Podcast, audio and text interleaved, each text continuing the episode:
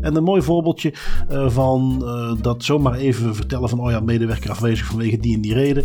Uh, wie weet ook weer met de beste bedoelingen, maar dat dat dus echt effect kan hebben op die persoon over wie dat zit te vertellen en dat het dus gewoon niet hoort. Ja, ik denk dat, dat het nog maar eens in de verf zet hoe belangrijk en hoe gevoelig dat gezondheidsgegevens zijn. GDPR heeft daar speciale aandacht voor. Hallo en welkom bij Das Privé, jouw wekelijkse privacy podcast. Iedere aflevering praten we je bij over het reilen en zeilen in de wereld van privacy. Digitale spionage, boetes, datalekken, nieuwe technologie, privacy tools, oftewel alles dat er in een week gebeurt in privacyland. Ik ben Bart van Buitenen en deze keer niet samen met Tim van Haren, die had andere verplichtingen, maar zijn plaatsje wordt warm gehouden door Peter Bergmans, CEO van het Data Protection Institute en, mag ik toch zeggen, eminence gries van gegevensbescherming in de zorg. Samen hebben wij het privacy nieuws van deze week gecureerd en eruit gehaald wat er echt toe doet. Ja, zoals altijd, never a dull moment in privacy. Deze week kijken we naar de gevaren van surveillance en nieuwe technologie in het onderwijs. LinkedIn dat met 20 miljoen gebruikers wat heeft zitten testen. En hoe het kan dat je met je gezicht terechtkomt in de databank die onder al die mooie AI-fotogeneratie toepassingen zit. We hebben nog wat eh, Israëlische software die bij de Nederlandse politie het tapwerk zou moeten regelen, maar niet werkt. God die je gaat ondersteunen met een app om van je porno-gewoonte af te komen. Gezichtsherkenning in Iran. Oftewel, we kunnen er weer goed tegenaan. Maar Peter, allereerst welkom. Uh, dat is al even geleden in de podcast zat, hè? Dag Bart, ja, het is altijd een uh, hele eer om uh, uitgenodigd te worden. En ik ben altijd blij dat team ook niet altijd kan. zo krijgen we nog eens de gelegenheid om mee op de stoel te zitten.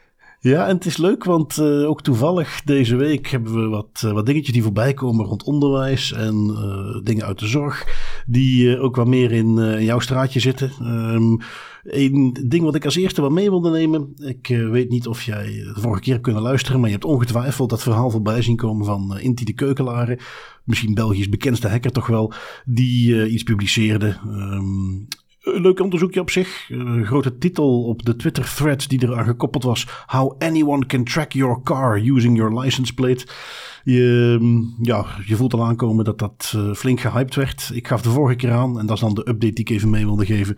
Ik hoop dat dat met gepaste nuance wordt meegenomen, want het is zeker een privacy issue. Maar super schokkend vond ik het ook niet. Um, maar dat, dat viel toch tegen. Dat is iets wat ik zowel internationaal als bij ons uh, overal terug zag komen. En natuurlijk dus weer vooral die iedereen kan je volgen met je nummerplaat. Terwijl dat toch uh, redelijk meeviel. Maar ik wou misschien uh, eens heel eventjes aan jou vragen. misschien dat ik daar ondertussen al zoveel schendingen heb gezien in onze podcast. Dat ik wat afgemat ben en het niet meer zo zie. Is er iets wat bij jou binnenkwam als van oei, ik word gevolgd? Dat niet, nee. Dat je echt gevolgd wordt, ik, ik vind het altijd interessant om te zien hoe dat, uh, hoe dat men het uh, bericht zelf in de pers brengt. en het, het spitst van je oren als je s morgens zoiets op het nieuwsbericht hoort. Uh, dus de manier waarop het in nieuws komt vind ik best wel interessant. Maar of dat ik me nu grote zorgen maak of plots die app niet meer ga gebruiken, dat is, uh, dat is dan weer iets anders. En het is wel wat dat je zegt. Uh, is het wel werkelijk zo'n issue zoals het in het nieuws komt? En dan moeten we zeker oppassen als privacy experts dat we zaken niet overroepen. Ik denk ook als DPO zijn we soms wat bevreesd dat we van, van een mug een olifant maken. En dat zou hier misschien ook wel eens het ja, het is inderdaad wat je aanhaalt dat uh, het op die manier kan gebeuren dat wanneer we dan nog eens echt met iets zwaar zitten, dat het de zoveelste in de rij is. Um, wat niet wegneemt, wil ik toch even zeker uh, benoemd hebben dat daar geen twijfel over is. Uh, in bepaalde contexten, misschien in uh, specifieke stalking, dat één aspect van het registreren van die nummerplaten, dat, dat je daar iets mee zou kunnen afleiden. Zeker ook als iemand langer op een um, parkeert. ja, goed, daar sta je meestal langer dan een paar minuten. Dus je zou daar in die gevallen wel iets mee kunnen. Um, maar, en dat is misschien het belangrijkste om mee te nemen, hij gaf ook, Inti gaf ook een aantal duidelijke verbeteringen mee die ze zouden kunnen doen. Die relatief makkelijk toe te passen zijn. Dat was ook weer die conclusie die hij nam van ja, en het is niet zomaar op te lossen. Ja, eigenlijk in de dingen die hij voorstelde, daar heb je toch een groot deel van de use case mee onderuit gehaald. Dus ja, die nam ik nog even mee als update. Um, voor de rest is daar niks schokkends mee gebeurd. Maar de, het heigerige hype wat ermee gepaard gaat, vind ik af en toe wat jammer. Um, neem dan, en dat is misschien ook een voorbeeldje waar er wat heigerig gehype bij was, uh, LinkedIn. LinkedIn Met natuurlijk honderden miljoenen gebruikers. Ehm, soms krijg je het gevoel, we zijn allemaal maar een beetje speelballen voor big tech. Want LinkedIn blijkt, dat is een artikeltje wat ik uit de USA Today heb meegenomen, maar was op allerlei kranten beschikbaar. Um, ehm, 20 miljoen mensen, 20 miljoen van hun gebruikers, hebben zo zitten draaien aan de knoppen van het algoritme. Uh, op zich wel interessant. Dat ging over het principe van ja, wat ze dan noemen de strength of weak ties. En dat is iets wat in, in analyses, eh, sociale analyses van sociale netwerken vaker voorbij kwam.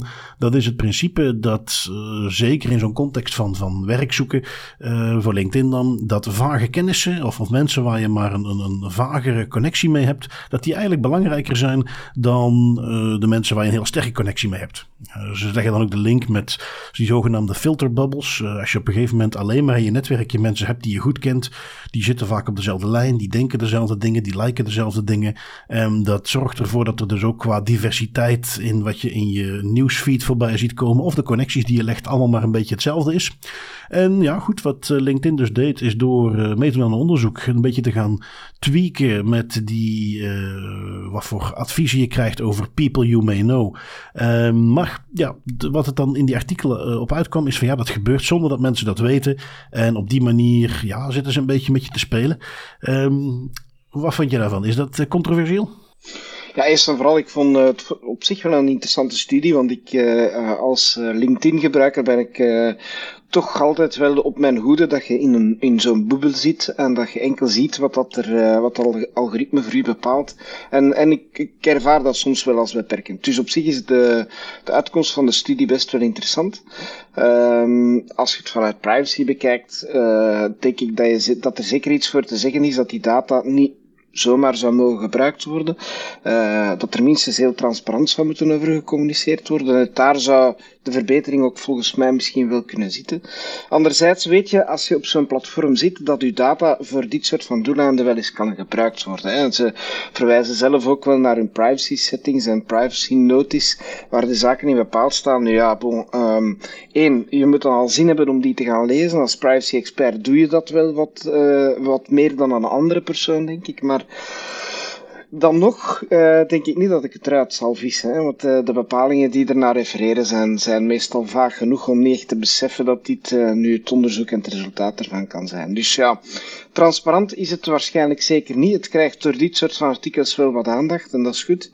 Um, maar wanneer dat je echt in een, in een databedrijf werkt, en, en als ik bijvoorbeeld denk aan ziekenhuizen, dat is net hetzelfde. Als we uh, allemaal juist zouden weten wat dat ziekenhuizen precies doen met gezondheidsgegevens, ook in onderzoek, uh, dan, dan zou het knap zijn, gewoon omdat het gaat om een lange lijst van initiatieven en dat het heel, soms heel moeilijk is om naar de gebruiker daarover transparant te communiceren of die, die aandacht te krijgen zeg maar, van de gebruiker, uh, dat daar mogelijk een probleem is. En dus ja, bon, ik denk dat dit, ik val nu niet van mijn stoel, hè, maar waarschijnlijk kan het wel wat transparanter. Ja, eh, voor deze specifiek zet ik er ook wat. Wist ik niet zeker of ik er echt uh, moeite mee had. Want dit is een interessant onderzoek, dat zei je ook al. Ik vond dat ook. Um, dit is ook zo'n voorbeeldje van een soort onderzoek waar als je mensen van tevoren gaat vertellen dat je dit onderzoek gaat doen, ja, dan beïnvloed je eigenlijk al de resultaten. Dus Um, kun je meer doen dan ergens van tevoren aangeven. En dat is misschien wel de clue. Hè? Inderdaad, die privacy policy, zal er ergens vast in staan. Je zou toch nog iets proactiever kunnen zeggen van... Goh, als je LinkedIn gebruikt, dit soort dingen doen we soms. Ik vond ook nog het verschil. Ik herinner me een, een onderzoekje um, waar Facebook over publiceerde in 2014. Waarin zij de, de feed van mensen hadden gemanipuleerd. En waarin ze een onderzoek wilden doen van... Ja, wat is het effect op mensen hun gemoed... afhankelijk van het soort berichten dat ze te zien krijgen. En daar gingen ze mee testen met positievere of negatievere uh, berichtjes en dan proberen te meten of uh, wat de gemoedstoestand van iemand was. Daar zie ik, daar ligt voor mij misschien ook meer een grens. Want dan ga je meer doen dan gewoon even een onderzoek naar connecties. En, en waar je met wat tieken probeert te krijgen, ja, hoe kunnen we mensen hun netwerk laten uitbreiden? Wat voor effect heeft dat op de, de banen die ze binnenhalen? Versus mensen hun gemoedstoestand op de achtergrond een beetje gaan manipuleren. En ja, wat dat betreft laat het maar aan Facebook over om daar weer een grens over te gaan natuurlijk. Ja, dat is natuurlijk. Uh, en, en, en Facebook en LinkedIn hebben naar perceptie toe natuurlijk al twee verschillende uh, uh, connotaties, laten we zeggen. Maar ja, ik, ik denk de publicatie op zich achteraf is al een, een vorm van transparantie. Dus laten we hopen dat ze die, dit soort van onderzoeken dat die nog wel gebeuren. dat algoritmes misschien ooit beter worden en minder dat cocoon effect hebben dan dat ze vandaag hmm. Ja. Ga ik eventjes door naar een uh, artikeltje uit Ars Technica. Vond ik wel interessant. Um, want je hebt nu natuurlijk die, die uh, hype van die AI-tooltjes. Je kent DAL-E, je hebt zo'n website Crayon. Allemaal een beetje hetzelfde. Je hebt zo'n tekstprompt, je hebt ergens een, een, een invulveldje, daar vul je iets in. Uh, bijvoorbeeld Bart zit op een stoel en eet een appel. En dan genereert hij een plaatje wat daar uh, mee te maken heeft. die dingen zijn heel erg goed geworden. Die, die, degene die via Google komt, als ik me niet vergis, um, DAL-E, die schijnt hele mooie dingen te maken. Zou nu ook openstaan voor het publiek, dacht ik zelfs. Um, nu, waar ik het artikeltje waar het over ging was iets wat een beetje de oorsprong van die beelden bekijkt. Um, kennelijk ligt daar een database onder, die heet dan Leon 5B is door een, een stichting, een, een, een, VZW, is die samengesteld. Um, en dat gaat dan kennelijk om een heleboel beelden die gebruikt kunnen worden. Uh, het is eigenlijk een hele lange dataset met linkjes en dan omschrijvingen van die beelden. Um, dat is kennelijk, ligt dat aan de basis van heel veel van die algoritmes waar ik net over had, waar je dus die plaatjes mee kunt genereren. En zoals bij al die algoritmes, ja, dat moet ergens getraind zijn. Dat moet ergens gemaakt zijn op basis van beelden. Zo'n AI die verzint dat niet zomaar, die illustratie. Dat, komt uit een hele database aan, eh, aan beelden. En uh, het artikeltje gaat over iemand, uh, kennelijk dan zelf weer een AI-artist, maar goed, wellicht omdat ze ermee bezig is dat ze het vond, die uiteindelijk beelden van zichzelf terugvond, medische beelden, in de dataset die als basis dient voor veel van die AI-tools. had kennelijk had deze dame ooit in 2013 toestemming gegeven voor het privaat gebruik van die foto's door de arts. Ze heeft een of andere zeldzame aandoening. Die arts die stierf in 2018. Um, dat het formuliertje nog netjes bijgehouden. Dus uh, uit die tijd. Ergens privacy-oriënteerd was ze wel. En daar stond duidelijk op dat die arts dat voor eigen doeleinden mocht gebruiken. Maar zeker niks in de zin van verspreid het maar eventjes om uh, te gaan gebruiken in dit soort datasets. Um, die, die datasets van Leon 5, uh, 5B, zoals dan heet. Je kunt die ook downloaden. Um, ja, 240 terabyte hebben we het over. 5,85 miljard beelden die dan gebruikt worden om uh, uh, die algoritmes te trainen. En, en, ja, goed, dus die, je hebt zo'n website, um, Have I Been Trained? Daar kun je heen gaan en dan kun je een, een, beeld opladen. Je kunt je naam ingeven. En dan krijg je dus te zien of je, wat, wat die database koppelt aan die foto of aan jouw naam. Dus dan kun je weten, ben ik ook ergens opgenomen in die gigantische dataset? En zit ik ergens in heel het algoritme wat gebruikt om die dingen te genereren? Ja, zit ik er ergens in? Ben ik dus eigenlijk, als je het zo ver zou willen trekken, op een hele kleine manier ook onderdeel van al die fotootjes die gegenereerd worden? En um, ja, ik vond dat wel interessant. Uh, vooral ook naar de aspecten van uh, meer GDPR-context, je recht om vergeten te worden. Um, als we ook weten hoeveel van die gegevens en van die, kijk naar Clearview en dat soort tooltjes, die gezichtsherkenning, hoeveel van dat soort uh, tools er bestaan, die, die beelden die op internet staan gebruiken.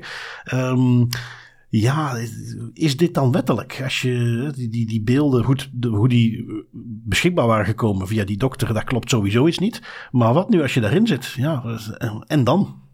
Ja, ik, uh, ik vind het een, eh, een, een heel mooi verhaal. En als het gaat naar, naar awareness, ik, ik bedenk mij, straks gaan we het ook nog wel even hebben over, over scholen bijvoorbeeld. naar educatie is dit een heel mooi voorbeeld van wat er met beelden kan gebeuren gebeuren.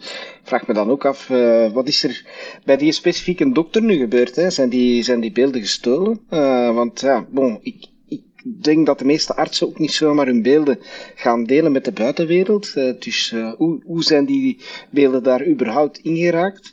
En ja, gewoon, ken het niet, maar ik denk dat ik zeker wel een keer ga kijken of dat er iets van mij bekend is. En wat buiten mijn, ja, uh, laten we zeggen, foto's waar ik van weet dat ze op internet rondhangen, uh, zouden er ook bekend zijn in zo'n databank. Ik vind het naar een awareness toe een, een heel mooi voorbeeld. Ja, ik, ik had trouwens zelf de test eens even gedaan. mijn naam ingetikt in een van die generatoren, Crayon. Um, gewoon, je, je, ja, je kunt natuurlijk allerlei fancy tekstjes meegeven, dan maak je er een plaatje van. Maar ik dacht, we gaan eens kijken wat we krijgen als ik gewoon mijn naam intik. Um, en ik kreeg allerlei semi-kalende mannen die dan gegenereerd waren, waarbij ze de ogen zagen er allemaal een beetje vreemd uit. Dus die foto zou door niemand gezien kunnen worden als een, een echt mens. Het zag er wel wat alienachtig uit. Maar dus dan genereert hij gewoon willekeurig door mijn naam in te geven beelden van, ik geloof, meestal krijg je een stuk of zes, zes mannen. Um, wel typisch dat hij er inderdaad meteen mannen van maakt. Dat hij ook duidelijk gewoon een soort uh, LinkedIn profielfotootje ervan maakt en niks anders. En ja, dat, wat ik er ook interessant aan vind. Um, want als je eenmaal in zo'n algoritme zit. Uh, jouw foto zit daarin, dat zit daarin verwerkt. Um, dan kom je weer op die vraag van algoritmische transparantie. Hoe weet je nog wat erin zit? Je komt dan aankloppen bij zo'n bedrijf. Ja, mijn foto zit in jouw algoritme, dat, dat moet eruit ja, uh, het is niet alsof ze gaan zeggen van, oh ja, zeker meneer Van Buiten, we gaan eventjes ons algoritme aanpassen en dan gaan we eventjes speciaal in, in al die miljoenen trainingsruns die we gedaan hebben, het stukje van u wat daar nog in zit, dat gaan we eruit halen. Ja, dat gaat sowieso niet. Ja, uh, is jouw recht op vergetelheid dus nog wel van toepassing voor zoiets? Ze hebben trouwens, voor de, makers van die dataset, die hebben natuurlijk uh, een speciale pagina. Want als je uit de EU bent, dan ben je onderdeel van het uitverkoren volk waar ze wel privacywetgeving hebben. En mag je een removal aanvragen. Kennelijk voor de rest geldt dat niet. Um, en dan gaan ze je wel uit die dataset halen, maar zeggen ze er meteen bij. Iedereen die in het verlengde van dat wij dat publiceren ooit die dataset heeft gebruikt, ja, daar kunnen wij natuurlijk niks aan doen. Daar hebben wij geen impact over. Um, lijkt me ook weer zo'n voorbeeldje van, oké goed, uh, waar, kun je daar nu mee? Uh, wat, wat, zegt dat? Uh, niet heel veel. Ik bedoel, wie weet of mijn foto er wel of niet in zit. En in haar geval ergens in die miljarden. Um, maar ja, met, zoals met dit soort technologie, nu maken we er wat AI-gegenereerde illustraties van. Maar wie weet wat we er over tien jaar mee doen, hè? Ja, klopt. En ik ben eens even naar de website en naar de foto's aan het zien. En ja, een foto is een foto van u en van mij. Maar uh, ja, soms zie je dat op die foto's uh, ook wel medische context staat. Hè? Bijvoorbeeld iemand die in een ziekenhuisbed ligt of uh, aan een bepaalde apparatuur. Het geeft toch wel wat meer weg dan. En ik denk dat het dan echt wel een issue kan worden. Hè? Als het op die manier die, die, die context wordt meegegeven, dan, dan maakt nog wat erger, uh, denk ik. Ja, het is sowieso dat principe, nog even los van wat er met die AI en die modellen die gebeurt genereren.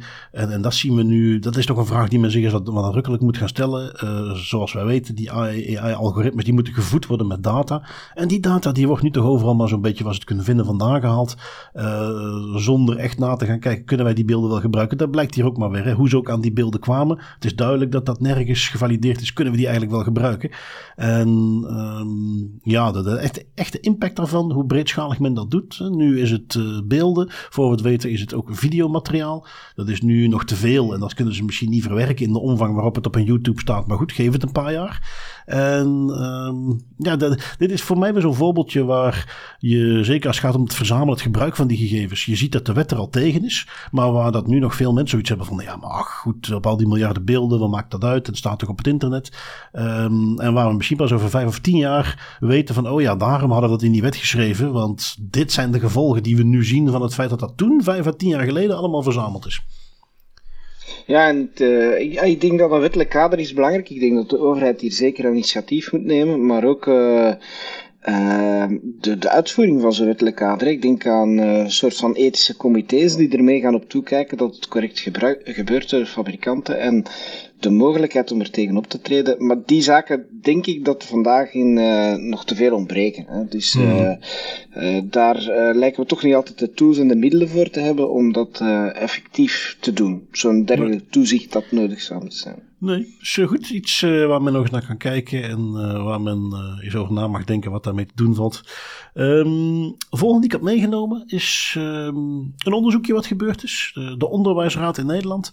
En ik moet toegeven, ja, misschien dat die publicaties mij dan gewoon ontgaan. Maar ik zie uit Nederland vaak dat soort dingen voorbij komen. Um, waarbij ik denk van, goh, dat, dat is toch het soort onderzoek, daar zie ik hier veel minder uh, gepubliceerd worden. Nu is weer die onderwijsraad, ik weet in het verleden hadden we ook bijvoorbeeld die DPIA's rond dat onderzoek van het gebruik van Google op school. Um, ja, dat soort dingen lijken er toch vaker voorbij te komen. En ik vind het dan ook leuk om altijd even de reflectie te maken naar bij ons. Maar waar ging daar onder een rapportje over van de onderwijsraad? Zij zijn eens in een beetje de algemeenheid gaan kijken, als we zien die, al die nieuwe intelligente technologie, de inzet daarvan in het onderwijs. Wat kan daar de impact van zijn? Um, goed, eh, kijk, uiteindelijk de, de conclusies zijn niet wereldschokkend. Maar ze zijn er eens wat in detail naar gaan kijken. Um, dingen zoals, ja, hoe meer we AI gaan inzetten. We hebben dat op de podcast ook alles voorbij laten komen. Dat Google dan ook komt met eh, hun AI gestuurd onderwijs waarin automa geautomatiseerd resultaten worden geanalyseerd, er geautomatiseerd een leerprogramma opgesteld kan worden. Um, en waar ze dan hier bij het onderzoek een beetje de, de keerzijde van terug zien komen, dat je het risico hebt dat onderwijs eenzijdig wordt, dat het uh, focus verliest, dat het natuurlijk ook het op maat gemaakte verliest van wat een, een docent ziet als hij uh, contact heeft met een leerling en uh, wat vervolgens een AI-algoritme eruit gaat halen op basis van resultaten. Want je mist natuurlijk een hele dimensie die impact heeft op alles wat met onderwijs te maken heeft, als je alleen maar gaat kijken naar de informatie die aan zo'n AI beschikbaar is. Um, dus dan pakken ze wel woordjes zoals standaardisering, monitoring, differentiatie en profilering. Um, ja, dat vond ik wel interessant. Ja, we zitten natuurlijk allebei in het onderwijs, uh, Peter. En ik was dus eens benieuwd, uh, herkende jij je daar wat in? Zijn dat dingen die jij ook terug ziet komen langzamerhand? Uh, wat, wat vond je daarvan?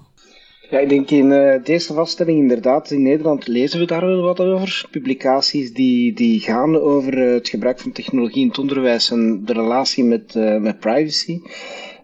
en helaas lezen we in, in, in Vlaanderen veel minder dergelijke verhalen. Um, zelf als, als lid van de Vlaamse Toezichtcommissie, die, die toch ook wel toekijkt op het verwerken van persoonsgegevens in die context, onder meer onderwijs. Um, vind ik het soms wel jammer dat we daar uh, vanuit de Vlaamse Toezichtcommissie onvoldoende uh, middelen hebben om, om dergelijk onderzoek ook zelf te gaan doen of, of dat te reflecteren naar, uh, naar Vlaanderen.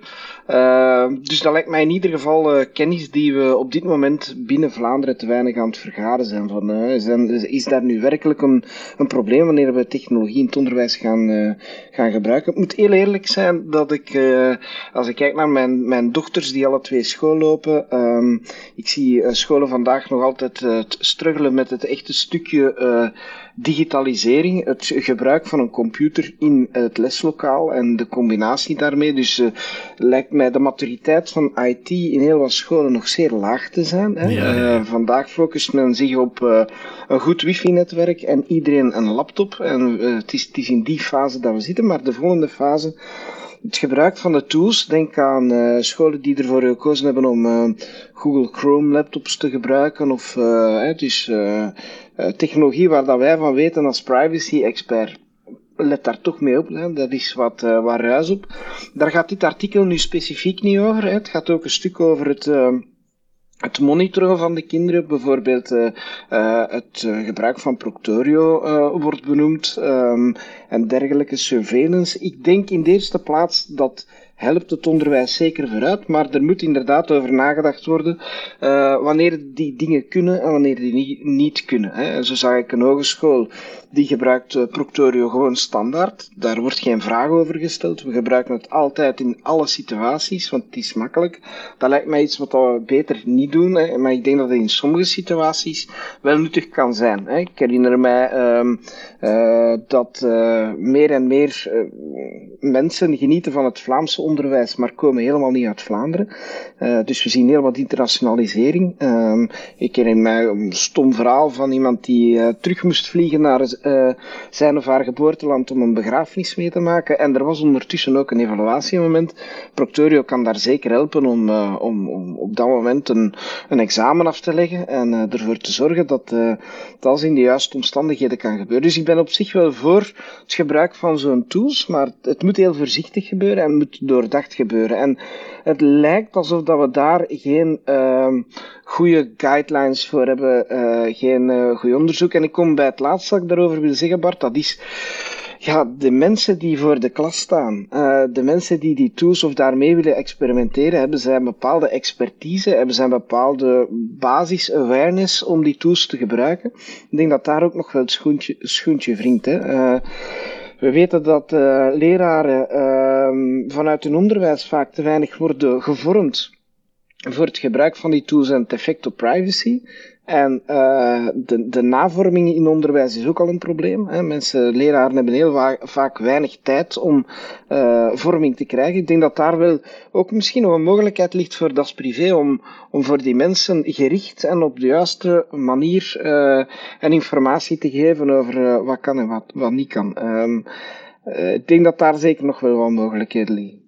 Ja, en ik, ja, we hebben zo, we halen eigenlijk mooi drie blokjes aan uh, waar dit interessant is. Um, we hebben het over het stukje surveillance gehad, Proctorio, het, het toezicht houden. Um, wat ik daar nog over kwijt wil is, is ja, ik, ik ben daar zelf ook tegenaan gelopen. Ik ben dus een paar keer en gelukkig uh, net na de echte hoogte van corona kon dat op zich wel. Waar je dus de keuze krijgt van of lekker makkelijk op afstand, je uploadt een examen en je gooit iedereen achter de Proctorio. de, de, de, variant die opnames doet, dingen in de gaten houdt. of je moet zelf op de campus komen en je doet dan maar een, een fysiek examen. Ja, dat is wat ik heb gedaan. maar waar ik heel goed snap dat niet iedereen zo gedeformeerd is zoals ik. En die zeggen van ja, maar dat is eigenlijk wel lekker makkelijk op afstand. En, en ja, goed, het is gewoon een examen zoals een examen. Dus voor mij, voor de studenten maakt het niks uit. Dus laten we dat maar doen. Um, dus waar je eigenlijk het een tegenstelling wordt tussen het jezelf moeilijk maken of uh, in feite de privacy van je studenten aantasten. Um, dat is ook iets ja, overdrijf ik daarin, dat weet ik niet. Maar het is weer een, een, een verdere normalisering van het feit dat die studenten, die jongeren die wij, uh, die, die toch aan het opgroeien zijn, dat die gewoon weten, ik word in de gaten gehouden, punt. En ik kom dat daar tegen, kom dat daar tegen. Ja, op mijn onderwijs is dat ook zo. Daar wordt ook ieder examen, word ik met een camera in de gaten gehouden. Dus je ziet steeds meer dat men dat maar normaler en normaler gaat vinden. En ja, wat zegt dat over vijf of tien jaar, als we ook uh, gezichtsherkenning in de publieke ruimte hebben, als mensen op een gegeven moment, en, en dat, dat je dus waar wij nu, hè, dan staan we bekend als die oude zakken die overal een probleem van maken. En waar zij zoiets hebben van, ja, dat is toch eigenlijk heel normaal. Terwijl dat niet normaal is. Dat is, dat is, dat is waar ik wat mee zit. Dat een van de dingen, los van het, de, de, gewoon de feitelijke vaststelling, dat is een inbreuk op die studenten hun privacy, vind ik dan. Uh, dat het ook gaat bijdragen aan de normalisering van het accepteren. Dat is nu helemaal hoe het is. En uh, dat die jaren later ook veel gewoner gaan vinden dat ze in de gaten gehouden worden. Het stukje, en, en, en daar is ja, gewoon nog heel weinig rond. Um, wat betekent dat voor het inhoudelijk onderwijs zelf? We hebben daar in de podcast al een paar keer voorbij laten komen. Uh, Google die met zijn algoritmes dan zegt van kijk eens, wij kunnen, als je onze tool gebruikt, kunnen wij jou helpen om beter les te geven. Maar hoe dat dan precies werkt is nog weinig onbekend. Uh, wat dat betekent als je zo'n toeltje vijf uh, jaar inzet in het onderwijs uh, hoe is hij getraind? Welke focus heeft hij gelegd? Hoe weten wij of dat de juiste focus is? Kun je überhaupt zo'n tool wel effectief gebruiken op het moment dat dat gebaseerd is op puur waar de informatie die tool heeft? En zoals we ook weten, er zijn zoveel dingen die meespelen in het onderwijs die niks te maken hebben met wat je als leerling intikt en de resultaten die je haalt. Um, die zo'n tool, hoe goed het ook werkt, gewoon onmogelijk kan hebben. Um, dat is ook iets waar we. En, en daar zie je weer, en daar is het onderzoek heel goed voor. Daar zie je weer dat het gebruik daarvan vooruit loopt op dat wij vaststellen wat voor impact dat heeft. En dat zou eigenlijk natuurlijk precies omgekeerd moeten zijn. En ja, en dat is ook wat je ook al aangeeft, dan tenslotte dat laatste puntje. Daar zijn de docenten die daar vervolgens mee gaan werken. Uh, die krijgen dat soort toeltjes vaak aangereikt. Ik herinner me ook uh, hoe ik Proctorial aangereikt kreeg. Daar zat een handleiding bij hoe ik het moest instellen. Maar zeker geen handleiding over de afwegingen. En is dit wel een goed idee? En moeten we daar niet eens een gesprekje over hebben? Dat zat er allemaal niet bij. Dus ja, dat is toch iets waar, um, uh, al is het maar als een soort um, waarschuwingje of een hint van, goh, laten we nu eens een keer vooruitlopen op het feit, want het komt eraan, sowieso. Gelukkig nu nog niet inderdaad, maar het komt eraan. En laten we daar nu alles over nadenken. En ja, daar helpt dit dan wel bij. Ja, nu als het gaat over beoordeling van studenten, hè, want je zou die tools kunnen gebruiken, zoals gezegd, uh, om, om studenten te beoordelen uh, ook. En dus het stuk uh, corrigeren van toetsen uh, te laten ondersteunen door technologie. Ik, ik mag hopen dat elke, ehm, elke, elke docent, elke leerkracht daar voldoende zelfkritisch is. En uh, ik denk dat dat een heel gevoelig punt is in onderwijs. Uh, als ik iemand beoordeel en iemand bijvoorbeeld niet laat slagen, dan moet ik dat als docent toch kunnen onderbouwen. Daar zie ik zo'n tools dat die mag ik hopen, toch wel uh, met de nodige kritische blik zullen bekeken worden. Uh, dus daar heb ik nog wel vertrouwen in, hmm. dat we die tools dan gaan gebruiken in die situaties waar we bijvoorbeeld echt kennis gaan testen. En waar ik denk dat die tools wel een bijdrage kunnen hebben om te gaan detecteren welk stukje van het kennisdomein bezit je niet en uh, waar moeten we nog verder op trainen? Denk aan het uh, instuderen van uh, vocabulaire, van woordenschat in taallessen bijvoorbeeld. Dat betekent dat zo'n technologie wel kan gebruikt worden. Maar als het gaat om een wiskundige redenering, dat we dan misschien toch naar andere tools gaan grijpen. En ik denk dat we daar ergens hopelijk het onderscheid gaan zien. Maar het is vooral nu de fase, zoals je zegt, dat er awareness moet gecreëerd worden. En daar denk ik dat, dat, dat we in Vlaanderen en België misschien minstens over de publicatie van dit soort van onderzoek en de aandacht die het krijgt op de fora, dat we daar wel beter kunnen. Hè? Want uh, wie weet doen we ook wel binnen onderwijs dergelijke studies, maar we lezen er veel minder van in de, als gewone burger in, in, in de pers zoals we dat hmm. in Nederland lezen. Ja, ja, ja. ja. Even zien, dan uh, gaan we het een beetje omgooien, Peter. Um, ben jij een beetje in de heren? Ben ik in de heren? Uh, nee, Bart, helemaal niet. Oké. Is dat het juiste nou, antwoord? Dan, uh, oh, daar is geen uh, goed of fout antwoord, maar dan ben je wellicht niet de doelgroep van uh, de volgende app die ik heb meegenomen. Um, die app die heet Covenant Eyes, de slogan Quit Porn Now. Um, ja, typisch Amerikaans uiteraard. Hè. Dat is die, die continu bezig zijn met de moraliteit van porno. En waar je kennelijk toch ziet, uh, in ieder geval wat ik daar aan berichtgeving van voorbij zie komen, hoe republikeinser en conservatiever staten zijn, hoe meer dit een issue schijnt te zijn. Um, en deze app is daar de oplossing voor. Het idee is dat je in jouw congregatie, in jouw kerkelijke gemeenschap, dat jij met jouw priester of een andere vertrouwenspersoon toch hebt aangegeven dat je wel moeite hebt om er vanaf te blijven. En dan installeer je dit appje. En dit appje komt met uh, terminologie zoals uh, toestelwijde verantwoording, AI-software die alles in de gaten houdt. Uiteraard wordt dan porno ook geblokkeerd. maar, en nu komen we bij wat ik toch zelf de leukste features van deze software vond. Je gaat ook, uh, die app gaat ook bijhouden wat je doet op je toestel. Uh, is zelfs bijna spyware-achtig. Die maken ook, uh, daarom zijn ze nu bijvoorbeeld in de Google Store zijn ze er volgens mij zelfs uitgegooid. Die maken misbruik van een aantal features in de software om screenshots te kunnen nemen van alles wat je doet. En die worden dan doorgestuurd. Je stelt in de app namelijk een soort vertrouwenspersoon aan en die krijgt dat allemaal doorgestuurd. En die krijgt dan ook samenvattingjes van je activiteit. En dan kun je daar in een periodiek gesprekje kun je daar samen eens op ingaan. Uh, want die persoon die krijgt dan ook door die AI gestuurd natuurlijk, krijgt die hints over wat jij aan het bekijken was. Um, ze geven aan dat de screenshots een beetje geblurred zijn. Ik heb daar wel voorbeeldjes van bekeken. Gezichten zijn weggehaald en dat soort dingen. Maar um, ja, laten we zeggen dat wat er inhoudelijk op het scherm te zien is, toch nog vrij duidelijk herkenbaar is. En uh, ja, dat wordt dan allemaal doorgestuurd naar een uh, vertrouwenspersoon die je aanstelt. Um, uiteraard dit alles gebaseerd op toestemming van de betrokkenen. En ja, het, het, mooi typisch Amerikaans voorbeeldje en het soort appje wat we hier niet zien. Maar ik was even benieuwd wat jij ervan vindt. Ik vind het uh, zeer zorgwekkend zoiets. Hè. Uh, vooral, ja, het is allemaal goed. Hè. Stel nu dat je, dat je effectief uh, pornoverslaafd bent en je wilt daar iets aan doen, dan ehm, neem ik aan dat die tool een, een hulpmiddel zal zijn. Nu, ik ken zo geen mensen. Ehm, ze zullen er ongetwijfeld rondlopen, maar ik denk dat hier, hier, hier zit iets anders achter. en ja, het feit dat je een, een massa aan mensen op die manier kan gaan controleren, al dan niet vrijwillig, denk aan, denk aan sectes bijvoorbeeld, maar denk ook gewoon aan, en dan, dat mij terugdenken aan um, een aantal uh, technologieproviders zoals Apple, die op grote schaal kinderporno willen gaan uh, ontdekken. En kinderporno op zich, daar is wel wat voor te zeggen om ehm, te gaan detecteren of dat, dat op uw toestel staat.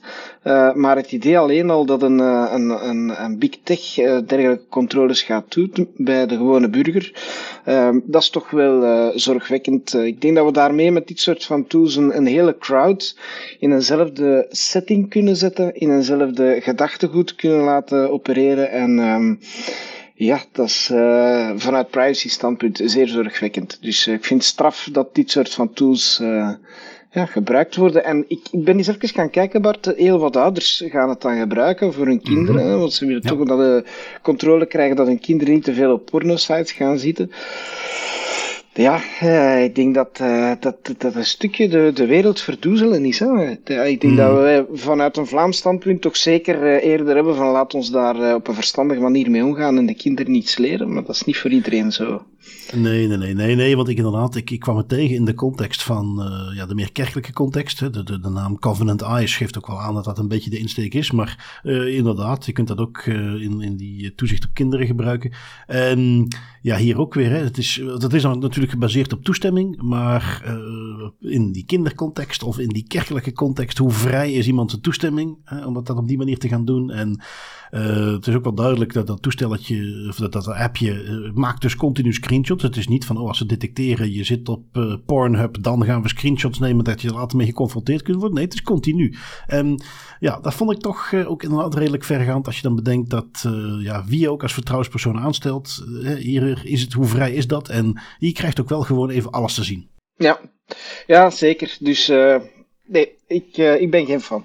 Nee, nee, nee, inderdaad. Voorlopig nog maar even niet inzetten. Ehm, het is trouwens, want ik heb er even naar zitten zoeken, maar het is zeker niet de enige app van die soort. Zo zijn er in de App Store een heleboel te vinden, dus kennelijk is er toch een markt voor. Um, iets waar ook zeker een markt voor is, is uh, surveillance. Iets waar de Israëliërs hun markt toch echt hebben gevonden. Want waar je ook gaat kijken als het gaat om iets van surveillance of spyware, dan komt er toch altijd wel een Israëlisch bedrijf om de proppen. En ik had een artikeltje meegenomen van het NRC. Um, uit Nederland. En dat ging over de dysfunctioneren van de tapkamer van de politie.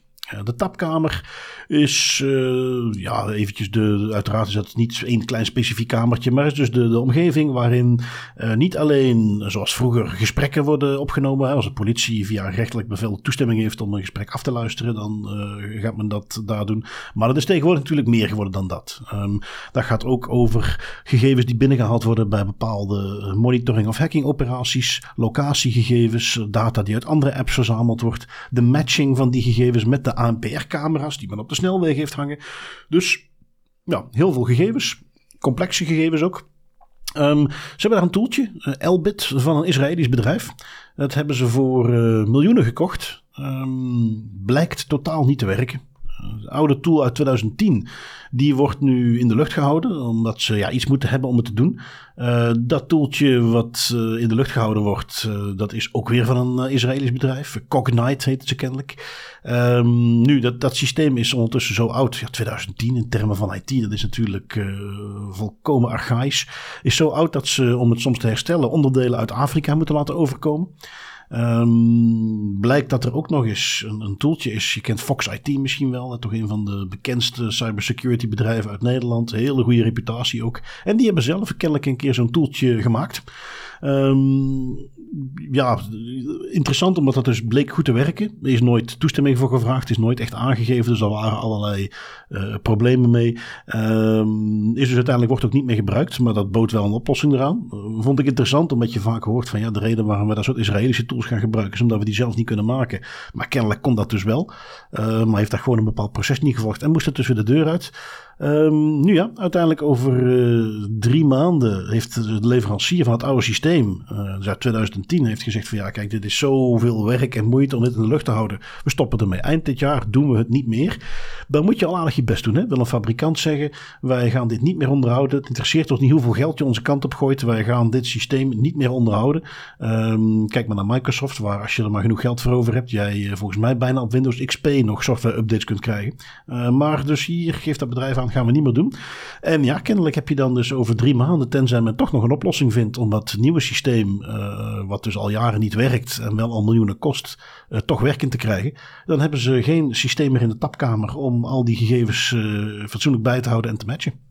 Ja, ik, uh, als ik het verhaal las, dan uh, las ik vooral een verhaal van uh, falende IT-projecten.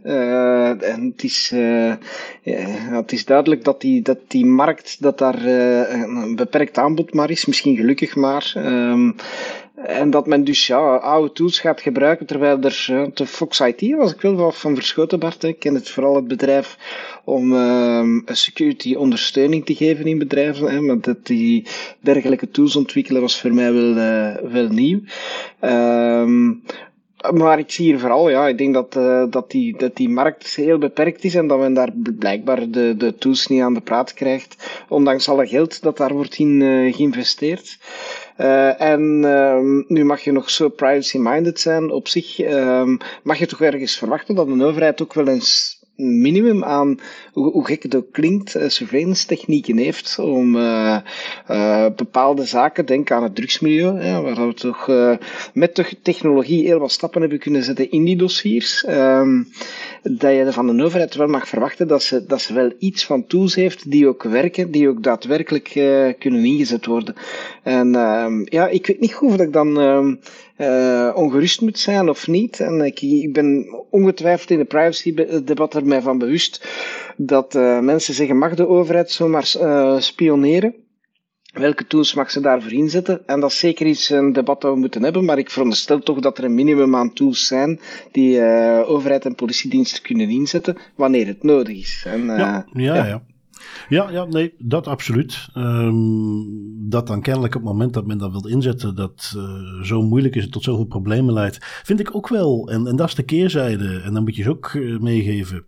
Hoe ze het doen, weet ik niet. Maar dit soort dingen komen in Nederland veel meer naar buiten. Hè? Wij weten, uh, zonder dat dat benoemd is, heel specifiek, maar ook in België worden door de politie tools gebruikt. En ook worden tools gebruikt van buitenlandse makelij waarbij ik geen enkele informatie heb waarmee ik dat kan onderbouwen. Maar ik durf de gok wel aan dat daar ook wel wat Israëlische software tussen zit.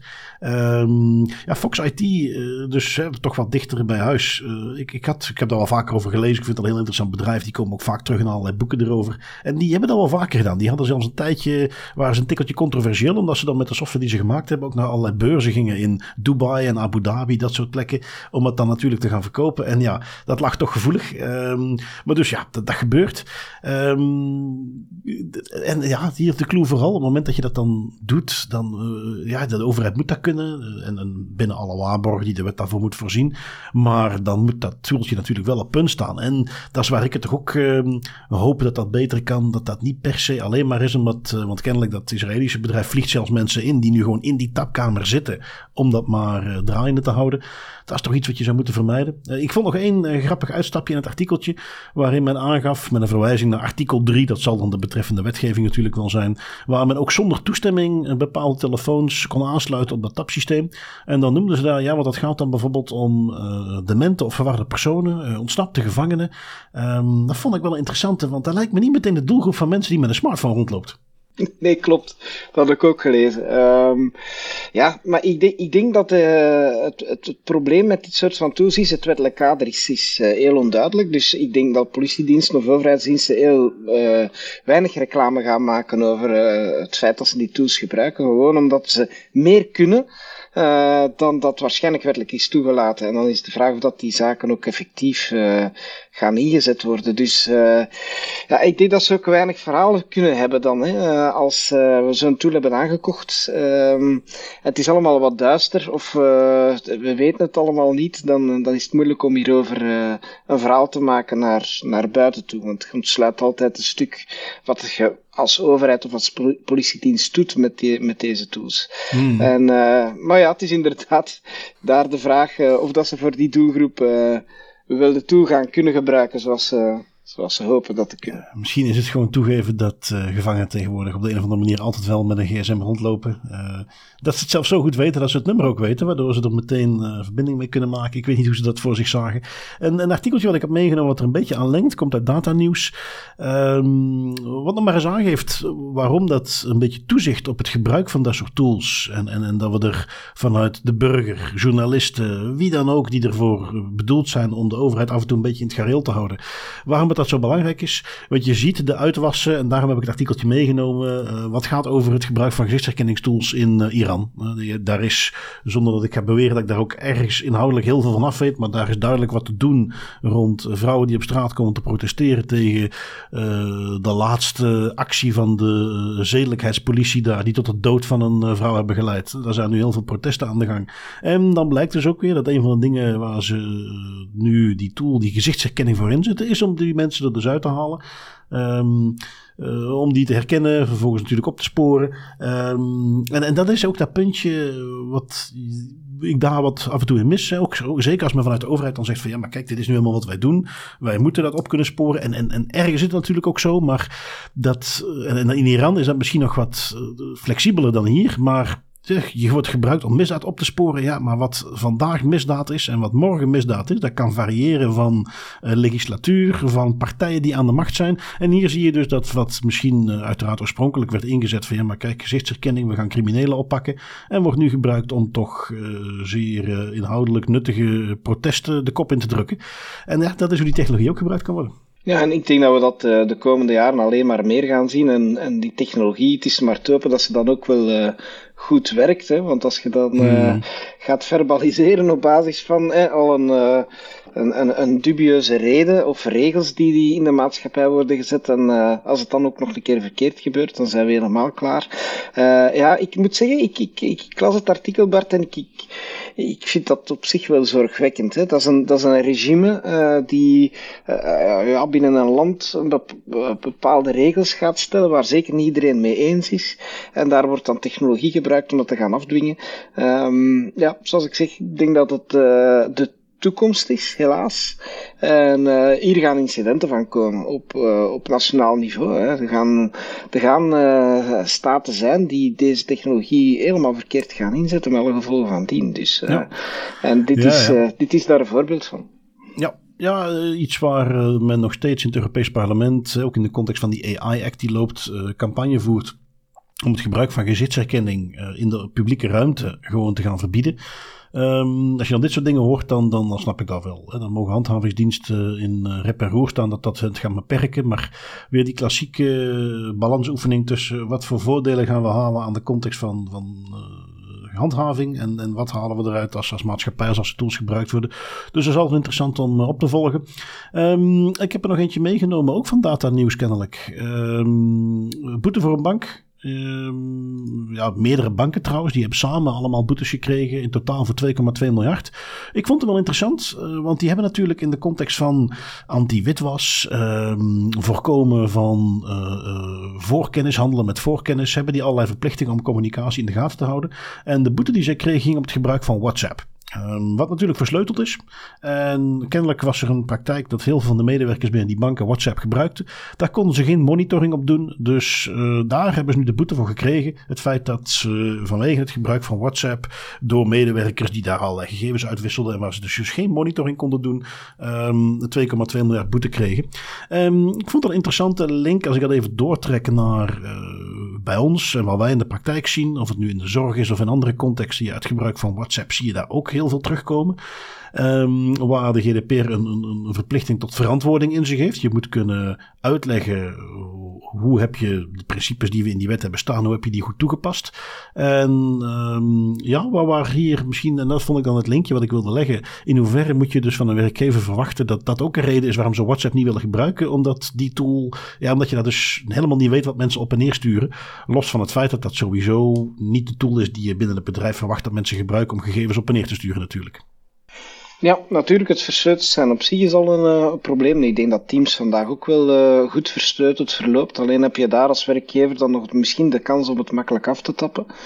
Uh, maar ja, ik denk dat corona en de coronasituatie van de afgelopen jaren uh, het gebruik van dit soort van tools in de professionele context wel uh, heel hard gestimuleerd heeft. En ja, dat we nogal makkelijk grijpen naar dit soort van, uh, van tools. En wetende dat inderdaad die software die die uh, anti-witwas uh, situaties probeert, uh, of witwas situaties probeert op te sporen, die, die gebruikt natuurlijk heel wat bedrijfsdata. Hè. Dus je wilt niet weten wat banken van ons verzamelen en welke mm. communicaties ze gebruiken om dergelijk onderzoek te doen. En ik denk dat dat hier ook wel naar boven komt.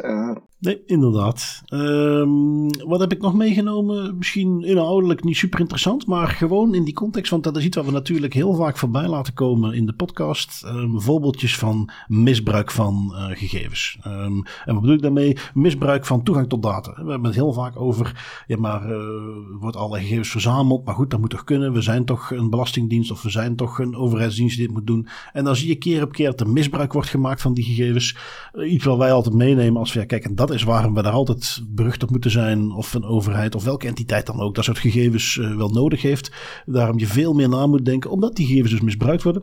Nu, uh, degene die ik hier, er zijn twee artikeltjes, eentje van tweakers.net en eentje van security.nl, die allemaal op hetzelfde neerkomen. En dat zien we nu steeds meer. Dat is wat ik eigenlijk wilde benadrukken. Dat is dat het, het misbruik van dat soort toegang, dat dat nu effectief wel bestraft wordt. Het zijn weer twee voorbeeldjes uit Nederland. Dat is ook weer zoiets wat ik voornamelijk in Nederland terug zie komen. Um, en nog iets minder in België. Um, maar we hebben dus aan de ene kant eh, van kennelijk de nutsgroep, zoals de naam het al insinueert, nutsbedrijf. Daar had iemand maakte misbruik van zijn toegang om contracten te kunnen bekijken, waar je dan vervolgens naam, adres, bankrekeningnummer, dus gegevens kon achterhalen. En die werden vervolgens verkocht via Telegram. Um, ja, Telegram wat toch nog maar eens bewijst. Toch echt de beerput van de messenger tools. Uh, daar, heb ik, daar hoor ik zelden in een positieve context de Telegram. Uh, tenzij het misschien is dat uh, ze de informatie daaruit die de Russen doorspelen kunnen misbruiken om hun tactieken in de Oekraïne beter te fine-tunen. Naar vooruit, daar is het nuttig voor. maar dit waren dus twee uh, mensen die uh, die gegevens die ze daar vandaan hadden via Telegram verkochten. Uh, die celstraf wordt geëist van 12 maanden. Ja, dat kan toch al tellen. in verlengde daarvan hadden we ook twee mensen van de Belastingdienst. Die hadden in Nederland dan toegang tot, ja, dat heet in Nederland de RDW. Uh, in België de DIV, het systeem waar alle nummerplaten in zitten. En daar werd uh, regelmatig even geraadpleegd. Die gegevens werden doorverkocht. Dat hebben ze jarenlang gedaan. Uh, daar heeft iemand, dat is niet de eis, maar dat is effectief al opgelegd, een gevangenisstraf van 18 maanden, waarvan 6 voorwaardelijk. en iemand anders, een compaan, voorwaardelijk 6 maanden. Um, nou, maar toch serieus. misbruik van dat soort toegang leidt dus al tot effectieve gevangenisstraffen. Dat heeft misschien al een beetje afschrikkende werking. Ja, zeker. En ik denk dat het nodig is. Uh, maar dat het nog maar eens hoe dat we als bedrijf zelf uh, ook onze eigen medewerkers niet zomaar mogen vertrouwen. Hè. Er is, uh, de laatste jaren wordt er meer gesproken over wat dat we zeggen zero trust security. Dat wil zeggen dat je bij het opzetten van een beveiligingsbeleid niks of niemand gaat vertrouwen. Ook niet je eigen medewerkers. En ik denk dat dat onderstreept dat we eigenlijk ook naar de eigen medewerkers voldoende beveiliging moeten inbouwen dat ze niet zomaar alles kunnen doen met data. Uh, denk aan uh, two-factor authentication. Um, zorgen dat we de uh, wachtwoorden van iemand anders niet kunnen gaan misbruiken of accounts van iemand anders kunnen gaan misbruiken. om rare dingen te doen, maar dat we het zeker kunnen terugbrengen tot die persoon, zodat we die ook uiteindelijk naar de rechtbank kunnen brengen. Ik denk dat dat belangrijke elementen zijn in een, in een modern beveiligingsbeleid. Mm. en als je ook als werkgever daar steken laat vallen, ben je eigenlijk onzorgvuldig. Ja. ja, ja, want dat is inderdaad nog iets wat uh, bleek uit een van die zaken. Dat het uh, om één iemand ging die toegang had tot die gegevens. Omdat er meerdere accounts misbruikt waren. En het zat hem kennelijk in het feit dat collega's dan het wachtwoord hadden toevertrouwd. Of een te makkelijk wachtwoord hadden. En inderdaad, dan kom je uit op dingen zoals multifactor authentication. Om die toegang ook beter te gaan beveiligen. Kwestie van de kat niet op het spek te binden. Um, Even zien we dat ik nog meegenomen. Eentje gewoon ja, naar awareness toe. Dat soort dingen gebeuren. Medtronic, toch een van de grootste bedrijven als het gaat om het maken van medische toepassingen. Die even een berichtje de wereld instuurt van goh let op. We hebben toch een klein kwetsbaarheidje in een insulinepomp. Um, dat risico bestaat natuurlijk al langer. Maar nu zie je toch steeds vaker al die, die toeltjes, die implantaten. Die ook op afstand toegankelijk zijn die uh, wifi hebben, die via bluetooth werken. En dan zitten er ook weer kwetsbaarheden in. Um, ja, toch een serieus uh, risico. Als we zien uh, dat in het verleden men nog wel eens aanslagen wilde plegen. Er zijn een paar bekende Russische voorbeelden waar mensen vergiftigd zijn of neergeschoten worden. Nou ja, misschien dat ze tegenwoordig of, of over een tijdje gewoon met een, zender toestelletje rondlopen en gewoon op afstand de defibrillator of de insulinepomp eventjes extra laten rondpompen. Um, goed, ze zullen daar wellicht wel wat mee gaan doen. Maar uh, ja, gewoon even naar awareness toe. Dat, ook dat soort toeltjes komen toch steeds vaker in het nieuws met alle risico's. Uh, en natuurlijk ook al gegevens die erop staan. Ja, zeker. Uh, nu, um, echt al uh, inbraak in zo'n toestel heb ik nog niet meegemaakt. Uh, mm. En dat men ook werkelijk die toestellen dan gaat proberen van op afstand te gaan manipuleren, heb ik ook nog niet gezien, echt. wat ik wel zie soms is dat de beschikbaarheid van, dus de, de connectie zeg maar, tussen het toestel ja, ja, ja. en de backend, dat dat voor problemen zorgt. Hè. Dus het feit dat een stuk monitoring ontbreekt, dat men niet kan zeggen wat in een bepaalde periode gebeurd is, of dat men de patiënt kunnen helpen met een bepaald incident, omdat de connectiviteit er niet is. We, we gaan ook rekenen op deze tools. En uh, ja, ik, ik, ik, ik heb het dit weekend nog maar eens meegemaakt dat ik uh, even geen bereik had. Het bestaat nog altijd in uh, deze intergeconnecteerde wereld. En ja, dan werken die tools ook gewoon niet vaak. Nee, hè? Dus, nee, nee, nee, nee, inderdaad, inderdaad. Um, wat heb ik nog meegenomen? Uh, Security.nl weer. Toch ook weer hofleverancier deze aflevering, merk ik. Um, vond het interessant. Dat ging rond een, een privacyonderzoek naar het delen van vaccinatiedata voor het uh, RIVM. Uh, dat is in, uh, ja, dus laten we eventjes zeggen, toch voor dat aspect, de Cienzano van Nederland. Um, was er een voorbeeldje waar men dan aangaf van ja, we kunnen die gegevens niet delen. Jullie willen onderzoek doen naar oversterfte. maar ja, dat, mogen we niet vrijgeven. Weer de klassieke ja, ik zou bijna zeggen, kniereflex van het mag niet van de GDPR.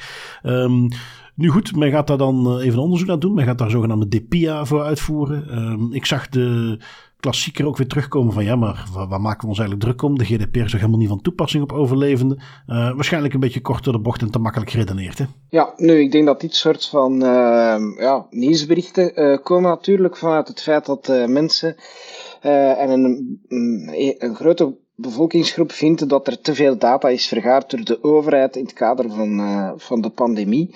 En uh, ja, die data zit nu nog bij die overheid en kan gebruikt worden om onderzoek te gaan doen, maar die uh, vinden überhaupt dat die data er al niet had mogen zitten. Hè. Dus uh, vandaar, ook in België zien we dat protest. Hè. Dus uh, houdt vandaag nog data bij. Uh, de bewaartermijnen die vastgelegd waren op de databanken waren uh, onfatsoenlijk vastgelegd. Hè. En ook in België ziet je dat voor bijvoorbeeld het Grondwettelijk Hof dergelijke cases zijn ingediend uh, waarin men mm -hmm. eigenlijk vraagt om liefst die data uh, te verwijderen op basis van een ongrondwettelijke vergaring ervan. Dus ik denk dat dat, van, dat protest voor een deel daarin zal te, te verklaren zijn. Um, al moet ik zeggen, als ik de situatie in Nederland al lees, en we lezen inderdaad veel over Nederland, dan denk ik dat we in België uh, het soms nog zo slecht niet hebben, af, uh, hebben georganiseerd. Hè. Uh, er is redelijk transparant gecommuniceerd over de manier waarop dat heel dat systeem is opgezet. En ik denk ook dat er een, een zekere vorm van controle is over die data. ook al zullen tegenstanders het tegenstelde beweren. Maar um, ik, ik, ik denk dat het vooral ligt vanuit het grote protest dat er toch nog altijd is, dat de overheid ons op die manier gesurveilleerd heeft uh, in die periode. Ja, ja. ja, want dat is misschien iets, en dat is een principe. Ik had het daar oh, een tijdje geleden op, op, op Twitter, had ik daar met iemand uit Nederland ook over, die dat uh, ja, helemaal niet, niet kennen. maar we hebben hier ook in België een, speciaal orgaan, wat zich in de context van de zorg en het uitwisselen van gegevens, wat zich bezighoudt over, ja, daar moet je aanvragen indienen, je mag niet zomaar gegevens rondsturen. We hebben daar een speciaal orgaan voor, hè? Klopt, uh, het Informatieveiligheidscomité, uh, niet toevallig een, uh, een orgaan dat ook door die mensen vaak wordt aangevallen als zijnde een, een, een soort van schaduwtoezichthouder. Sommigen kijken ernaar als het is eigenlijk een, een, een manier om het toezicht van de, van de GBA een stuk te ondermijnen. Maar in essentie is het een, een goed opgezet orgaan dat ik een beetje zie als het, de tussenschakel die, die ervoor zorgt dat alles wat het verwerken van gezondheidsgegevens in ieder geval betreft in, in België, ja, nog eens voor de spiegel gaat houden en uh, de vragen gaat stellen die we als DPO ook zouden moeten stellen. Hè. Mag dit, kan dit, is er een voldoende wettelijke basis voor? Uh, wat zijn de bewaartermijnen daarvoor? Uh, is de veiligheid voldoende gewaarborgd? en dat is eigenlijk de functie van het informatieveiligheidscomité. En in essentie ben ik niet tegen dit, dit orgaan, ook al wordt het orgaan op verschillende vlakken in België mm. aangevallen. Grondwettelijk Hof is een voorbeeld, maar ook Europees. maar het, het, krijgt wel een bepaalde expertise rond het verwerken van uh, gezondheidsgegevens in dat informatieveiligheidscomité. En uh, dat is voor mij wel een voordeel. Hè. Je zou het misschien onderdeel kunnen laten uitmaken van de GBA om de, de problematiek dat het een ander mm. orgaan is en uh, de GBA ondermijnt misschien tegen te gaan, maar een expertisebureau, zeg maar, die rond het verwerken van gezondheidsgegevens dat daarmee op toekijkt, lijkt mij eigenlijk wel een, een hulpmiddel meer dan iets waar ik tegen. Ja, ja, ja, absoluut. Want uh, wat is de andere variant? Uh, toevallig hadden wij het daar recent nog eens over. Uh, dat bijvoorbeeld binnen ziekenhuizen men allerlei aanvragen krijgt om gegevens door te sturen, mee te doen aan registers, mee te doen aan onderzoek daar intern met de beste bedoelingen dan naar gaat kijken, kunnen we dat wel of niet doen. En dan besluit om dat te gaan uitwisselen. Maar daar misschien eh, de randvoorwaarden niet goed vervult, dat misschien niet op de goede manier doet. En als men doet wat eigenlijk zou moeten, maar wat niet altijd heel goed gekend is, dat voorleggen aan het informatieveiligheidscomité, dan wordt er getoetst. Gaat dat op de goede manier? Mag je deze gegevens wel doorsturen? Hoe wil je dat gaan doen?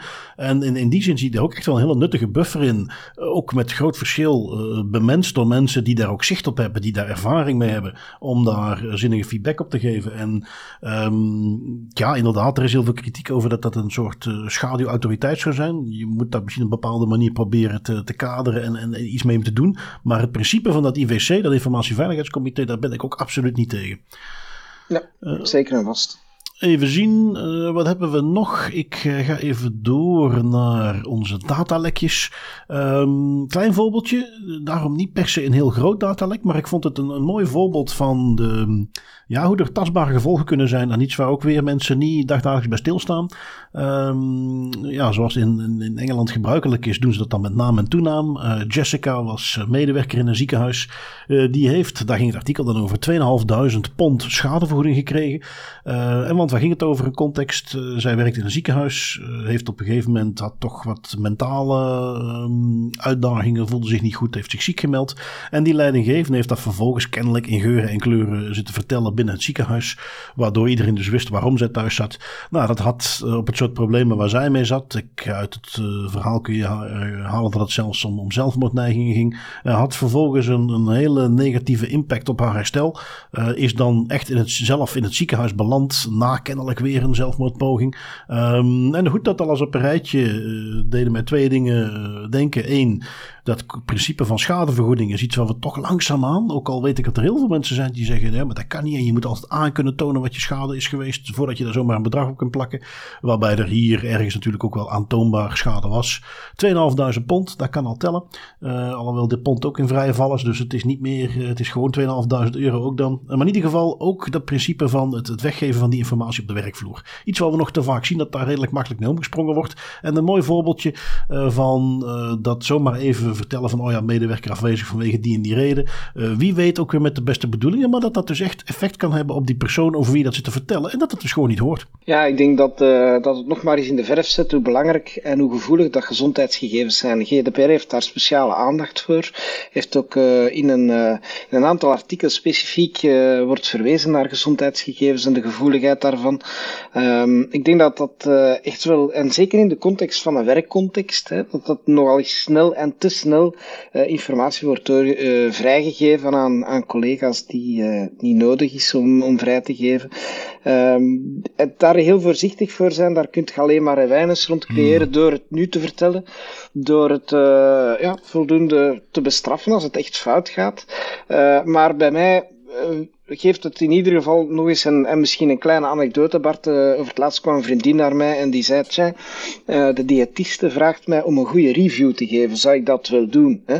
Uh, het, is, het is toch allemaal, die gezondheidsgegevens zetten je onmiddellijk een beetje op de, op de wip. Tussen, dit wordt wel heel gevaarlijk versus, ja, misschien kan je dat wel doen, maar uh, ja, dat is hier zeker ook het geval. Hè. De, de, uh, de gevoeligheid wordt soms miskend van uh, ja, ja. dit soort gegevens. Want we gaan even een review geven over de diëtisten. Maar ja, dan weet iedereen dus dat ik bij een diëtiste loop. Dus dan moet dat eigenlijk alweer anoniem. En ja, dus inderdaad, het zit hem in een klein hoekje. Um, qua datalekje, ja, ergens is het jammer dat we daar zo blasé over doen. Maar uh, interessant om er lang over te praten is het niet. Maar in India weer een voorbeeldje. 1,7 miljoen Indiërs gegeven, uh, medische gegevens stonden online. In een onbeveiligde ja, Elasticsearch heet dat zo mooi. Uh, even simpel gezegd, gewoon een open database waar als je er maar op zoekt het kon vinden. Um, klassiek voorbeeldje. en ja goed, in India misschien nog iets minder. Maar in Europa zit het toch nog in een context waarin het dan kan leiden tot een paar boetes die op opgelegd worden. En dan zijn we bij onze autoriteiten. You will respect my authority. Um, uiteraard, zoals de slogan ondertussen gaat, geen das privé zonder AEPD. Uh, toch een van de actiefste autoriteiten. En die, ik merk dat nu steeds vaker, die hebben, en misschien is dat naar, naar awareness toe, naar de burger toe, dat ze daarmee iets, iets gevonden hebben waarbij ze zeggen, uh, dit, dit is iets hoe we relatief makkelijk ook bij de burger kunnen laten zien dat dit ook voor jullie belangrijk is. Maar die lijken echt een focus te hebben op uh, CCTV, op, op, op, op surveillance camera's, bewakingscamera's. Um, twee kleine boetes, inhoudelijk niet super interessant, maar gewoon weer dat principe dat ze dat, dat komt echt heel vaak voorbij bij de IPD, die camera's. Um, de ene ging het om een, winkel die de cashiers in de gaten hield door een, een, een bewakingscamera recht op de kassa te zetten. Um, de andere ging om een, een wooncomplex waar eh, camera's hingen, maar waar de bordjes waar de informatie op stond niet goed genoeg waren. Um, boetes ook relatief laag. Uh, eh, 720 euro voor uh, de cashiers en 180 euro voor het bordje. Uiteraard weer gebruik maken van het gewone kortingtarief van de AIPD. Als je niet te veel zeikt en gewoon toegeeft dat het jouw fout was en meteen betaalt, krijg je een flinke korting. Dan heb ik er nog eentje meegenomen van de GBA. Deze vond ik interessant, niet zozeer vanwege de uitspraak zelf. Dat was gewoon van, ja goed, gelieve de gegevens te corrigeren. Iemand had zijn recht op rectificatie uitgeoefend. Maar de context vond ik dan wel opvallend. Um, een vader die kennelijk al sinds februari 2020 probeerde om gegevens in het dossier van zijn dochter goed te krijgen. Die bij een instantie werd uh, geholpen. Die gegevens werden ook doorgestuurd naar een andere instantie. En uh, het ging dus om het recht op rectificatie, want er zaten een paar foutjes in het systeem. Namelijk het adres, familienaam, domiciliegegevens, e-mailadres, gegevens van de moeder. Uh, met als gevolg dat er ook allerlei brieven niet werden ontvangen over de behandeling. Dus toch niet het minste. De redelijk cruciale gegevens om verkeerd te hebben. Um, en wat mij hier dus vooral opviel. Want natuurlijk, goed, dan, dan komt het bevel om het aan te passen. Maar dus twee jaar na dato. Uh, waarbij de GBA of de geschillenkamer zelf ook nog zegt. Ja, we zien dat dit al twee jaar is blijven liggen. We zien dat het probleem ook nog steeds speelt. Dus ja, we zijn toch even een uitspraak over gaan doen. En dat dan kennelijk ook eventjes gebruikt om aan te geven van ja, ja het is twee jaar blijven liggen. Dat weten we. Maar ja, um, we hebben nu helemaal niet meer middelen. Um, vooral opvallend als ik me bedenk dat ik ook zaken zelf heb voorbij zien komen. Waar ergens in uh, februari de eerste melding kwam. En in mei er vervolgens al een brief van de inspectiedienst op de bus lag om even te antwoorden rond uh, die casus. Vraag ik me af wie bepaalt die prioriteiten daar? Ja, uh, de directie, denk ik. Uh, laat dat uh, vandaag een probleem zijn. Ik lees trouwens net, Bart, dat, dat er opnieuw vacatures vakant zijn. Ah, voor directeur bijvoorbeeld van het kenniscentrum. dus iedereen die deze podcast hoort, voelt zich ongetwijfeld geroepen om te kandideren. maar ja, bon, ik denk dat dit voorbeeld van vertraging uh, een stuk ook te maken heeft, waarschijnlijk, hè, neem ik aan, met de werking van, uh, van, van de geschillenkamer zelf. Uh, ongetwijfeld, en dat, dat vertellen ze ook wel, soms hebben ze enerzijds veel te weinig middelen. Dus ik denk dat die dossiers daar gewoon blijven liggen en dat dat, dat de kern van het probleem is en dat we daar ook gewoon. Moeten durven in toegeven dat, dat met de middelen die er vandaag zijn voor de GBA, dat, dat ja, dit ja want dat is een probleem. Ja, ja. Ik denk, uh, we leven nog in een complex land ook. Uh, we zitten in verschillende landstalen te werken, wat de administratie flink verzwaart, dat mogen we niet onderschatten. En toch blijven achterlopen als het aankomt op, op personeelsleden. En ik, ik merk dat bijvoorbeeld ook bij de Vlaamse Toezichtcommissie, en daar kan ik het van binnen vertellen. wij hebben echt te weinig middelen om een degelijk ja, toezicht ja, ja. te doen. Denk aan inspectie bijvoorbeeld. Er is bijna geen denken aan. We hebben de middelen niet. Dus um, daar zou ik toch wel uh, zeker uh, de vinger op de wonden willen leggen. Ja, ja, ja absoluut. Um, goed, dan sluiten wij even af zoals dat altijd doen met een privacy pointer. Ik heb um, nog eens een keer een toeltje meegenomen, redelijk simpel toeltje. Er zijn er ook al andere van, maar deze schijnt toch in 60, 70 procent van de gevallen goed te werken. Uh, Consent-O-Matic, linkje uiteraard in de show notes. Uh, je kunt al een beetje gokken waar het heen gaat. Uh, zorg ervoor dat die vervelende pop-ups rond cookies weggeklikt worden. Belangrijke nuance, niet zoals sommige andere tools die dan vervolgens maar gewoon even alles accepteren en dan ben je ook van het pop-upje af. Deze is er wel echt op gemaakt om heel specifiek op zoek te gaan naar de uh, niks, uh, alleen essentiële cookies opties te accepteren. En daar schijnt deze dus redelijk goed in te zijn. Uh, waarbij ik overigens kan zeggen dat Brave, de browser die ik zelf ook gebruik, die komt in een van de volgende releases standaard met zo'n soort feature die ze zelf hebben gemaakt. Dus goed, dat is nog eventjes een, een pointer die ik meegeef. Consent-O-Matic, link in de show notes. Peter, dan rest mij niets dan jou even hartelijk te bedanken dat jij, ja, wat de luisteraars niet weten, maar op dit zeer vroege uur de tijd hebt gemaakt om de podcast op te nemen. Ehm, ja, bedankt daarvoor en onze luisteraars. Tot volgende week. Graag gedaan. Tot ziens.